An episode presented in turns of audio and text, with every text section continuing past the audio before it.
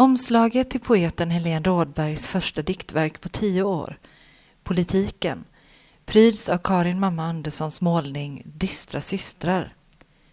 Vitklädda kvinnor riktar sina blickar snett ned mot den aprikosfärgade marken medan de håller sina händer prydligt knäppta framför sig. De ser inte särskilt företagsamma ut, systrarna. Tvärtom verkar de sällsamt passiviserade, slumpvis utplacerade och isolerade i sig själva. Ingen av dem verkar tala med någon annan. Om de är sjuksystrar, något som deras vita dräkter skulle kunna leda tanken till, eller om de förbinds av släktband, framgår inte av sammanhanget. Runt omkring dem finns något som påminner om fläckar av koagulerat blod eller möjligtvis om små sår. Innanför diktsamlingens pärmar förekommer desto större verksamhet. Rådbergs dikt befolkas av kvinnor som i uppbruten lyrisk form berättar om sitt arbete på jobbet och i hemmet. Trots att Rådbergs kvinnor inte för ett regelrätt samtal så upprättas en dialog dem emellan under och genom de gemensamma erfarenheterna.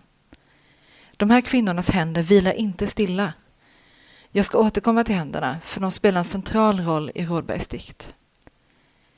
Politiken är uppdelad i fyra längre sviter, varav den första, Arbetskamrater, introducerar de arbetande kvinnorna och deras gemenskap. Den andra sviten, Det vardagligas praktiker, vidgar perspektivet mot de situationer som rör den kvinna som inte längre kan eller får möjlighet att arbeta.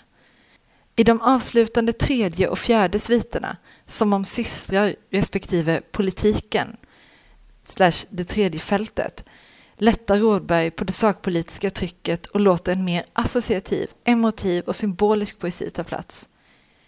Politiken avslutas med en liten faktaruta innehållandes information om yrkesgrupper i offentlig sektor från Försäkringskassan och en kortfattad statistik från SCB om andelen kvinnor i vårdsektorn.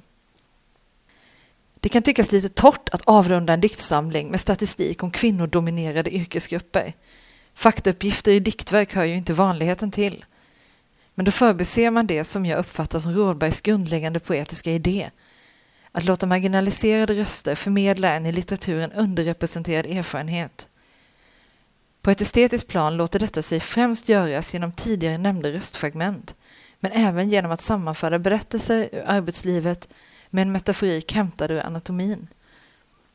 Det vardagliga arbetet framträder härigenom närmast som groteskt. Här är ett exempel från en dikt i den första sviten. Citat. Det täta figurrummet klappar, besparingssömn, bröst, två, vårtgård, bröstvårta. Transkribera sex timmars dröm, rödros, korsstygnsnamn, rosenröd, omvårdnad tränsas, vardag, kantmäskor, kedjemaskor, produktionsnivå sex barn per anställd, lägre knapphålshål, måttas in i den ekonomiska svällkroppen. Slutcitat. Rådberg använder sig även av den arbetande kvinnans kropp på en mer påtaglig nivå i dikten. Formbara kroppar vrids in i arbetskroppen, skriver hon. Lönekroppar förvandlas till verkkropparna med följden att de arbetande kvinnorna oundvikligen drabbas av sjukdom. Rådberg gestaltar detta genom att foga samman utsagor om hur deras biologiska reproduktiva system går sönder med en kritik av de arbetsförhållanden som kvinnorna verkar under. I politiken drabbas de av bröstcancer, tvingas operera bort livmödrar, får missfall, äter östrogen, hamnar i ett för tidigt klimakterium och gör abort. Mellan raderna läser jag fram en av vrede vibrerande saklighet. Om de omvårdande kvinnornas kroppar faller samman inifrån så gör snart det producerande skiktet det också. Därmed är vi framme vid den teoretiska kärnan i Rådbergs politik. De arbetande kvinnorna i politiken belyser det faktum att den svenska arbetarklassens primära subjekt inte längre består av den fast anställde, fackligt anslutna industriarbetaren. Han, för det var oftast en man, är istället ersatt av den inringda lokal och äldrevårdaren, barnomsorgsarbetaren på timmar eller timvikarien i skolan. Med andra ord, den svenska arbetarklassen sysslar inte längre med produktion. Den utförs som bekant i fabriker utanför Sverige. Utan med reproduktion, det vill säga det omfattande och helt nödvändiga arbete som syftar till att arbetsmassan, vi som arbetar, får den omsorg och omvårdnad som vi behöver för att ha kraft över att producera de varor och tjänster som skapar mervärde, grunden för ekonomisk tillväxt. I Rådbergs politiken heter denna förändring femininiseringens låglönerörelse, hemmafruutvidgad standard. Det är framförallt den första sviten, arbetskamrater, som tecknar en bild av kvinnors dubbelarbete. De byter blöjor på förskola, äldreboende och i hemmet. De tröstar och vyschar, leker och nynnar. De lever i ett 24 timmars samhälle där gränsen mellan arbete och fritid är upplöst.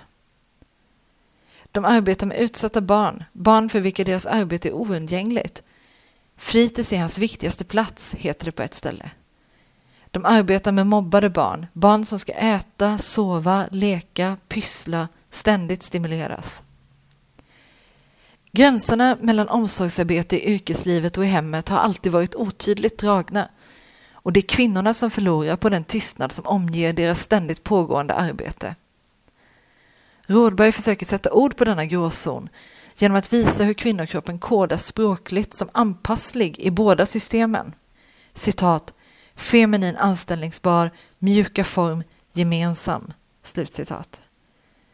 Arbetsuppgifter, kvinnorollen och arbetsmarknaden tråcklas därmed samman till en förtryckande diskurs som i följande rader, citat. Arbetskroppen insydd i vårdkroppen, arbetarklass, ordklass, femininum ingå eller kärt barn har många namn, i samma klang, också i värdeladdningarna, i orden, i omsorgsspråket. Slutcitat. Det påpekas ibland att 1900-talets klassiska arbetarförfattare sällan skrev om själva arbetet på fabriken. Det gäller emellertid inte för Rådberg. Tvärtom är det i den ändan som hon tar sin utgångspunkt och förlägger sin politiska och litterära glöd. Genom en poetisk bearbetning kan den diskurs som förtrycker de reproduktivt arbetande kvinnorna medvetandegöras. Rådberg sammanför påståenden om reproduktivt arbete citat, vi den bedövade kvinnoklassen, slutcitat, och citat, mjuka värden är kvinnovärden, slutcitat, med poetiska beskrivningar av omsorgsarbetet, citat, barnen på de gröna plastöverklädda madrasserna, slutcitat, i syfte att medvetandegöra och samtidigt representera denna erfarenhet.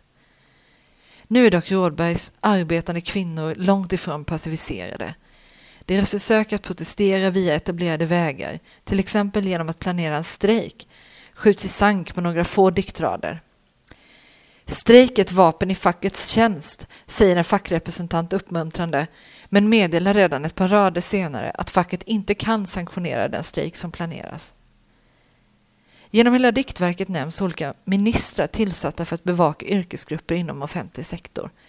Familjeminister, ungdomsminister, statsminister, arbetsmarknadsminister, socialminister, skolminister, socialförsäkringsminister och jämställdhetsminister är alla i politiken beteckningar för upprepade misslyckade försök att företräda, det vill säga politiskt representera, yrkesarbetande kvinnor.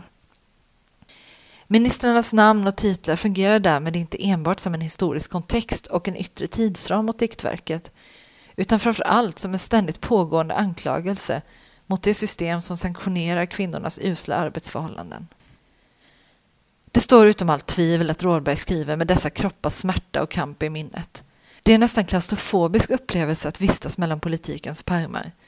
När Rådberg skriver om händer framträder därför både en fysisk hand och handen som tecken, ursymbolen för arbetets mödor. Citat, du säger ta om hand, det är vår hand, arbetshanden över barnhanden, armen, att lugna, att stryka ett barn över kinden. Slutcitat. Och citat, två händer, händernas handflator, tio fingrar, inom hudsinnet fingertopparna, tummetott, gullebrand, slickepott, anknyta barnets hand i arbetshänder, smörj arbetshänderna som bruksföremål, stärk, K. Kropp, sömma. Sårlande barn, porlande barn. Upprepa, det är händerna som håller, de små barnkropparna små. Slutcitat. I de två sista sviterna, som om systrar och politiken, det tredje fältet, får barnen en delvis ny betydelse. Från det tunga arbetet med barnomsorg i de två första sviterna skruvas siktet in på framtiden och en omsorg som omfattar hela planeten. Rådberg skriver därmed in sig i en litterär tradition som sträcker sig från Elin Wägners ekofeministiska kritik via Inger Sjöstrands freds och kvinnokampsdikter fram till vår tids poeter som Ida Börjel, Eva-Stina Byggmästar och Åsa Maria Kraft. Att kvinnor har arbetat hårt både under ordinarie arbetstid och efter arbetsschema är för många, i alla fall för hälften av befolkningen, redan välkänt. Det tål dock att sägas igen. Det är emellertid en helt annan sak att ha levt den erfarenheten än att ha fått den berättad för sig. Rådbergs dikter överbygger avståndet mellan erfarenhet och gestaltning genom att väva samman flera olika röster, sektorer och utsatta positioner på arbetsmarknaden. Det är som om diktraderna själva söker en gemenskap, eller varför inte ett systerskap. Hon närmar sig därmed ett litteraturens utopiska tänkande om en gemenskap bortom arbetet. Jag tror att Rådberg vill ifrågasätta om den situation som politiken skildrar verkligen var den framtid som kvinnokampen drömde om när kvinnors rätt till arbete lagstadgades. Att en fri kvinna idag i stort sett är synonym med en i arbetslivet framgångsrik och utarbetad kvinna är en av den samtida feminismens svåraste och mest akuta frågor att lösa. Är det en feministisk framgång att kvinnor bokstavligen arbetar sig till döds i fabriker i Bangladesh? Här finns ett utrymme för en grundläggande och nödvändig kritik av klassamhället som måste omfatta även de producerande kvinnorna i fabriker runt om i världen. Med politiken fortsätter Rådberg nysta i denna härva, inte minst när hon närmar sig de dubbelarbetande kvinnorna i Sverige. Men mycket återstår att göra.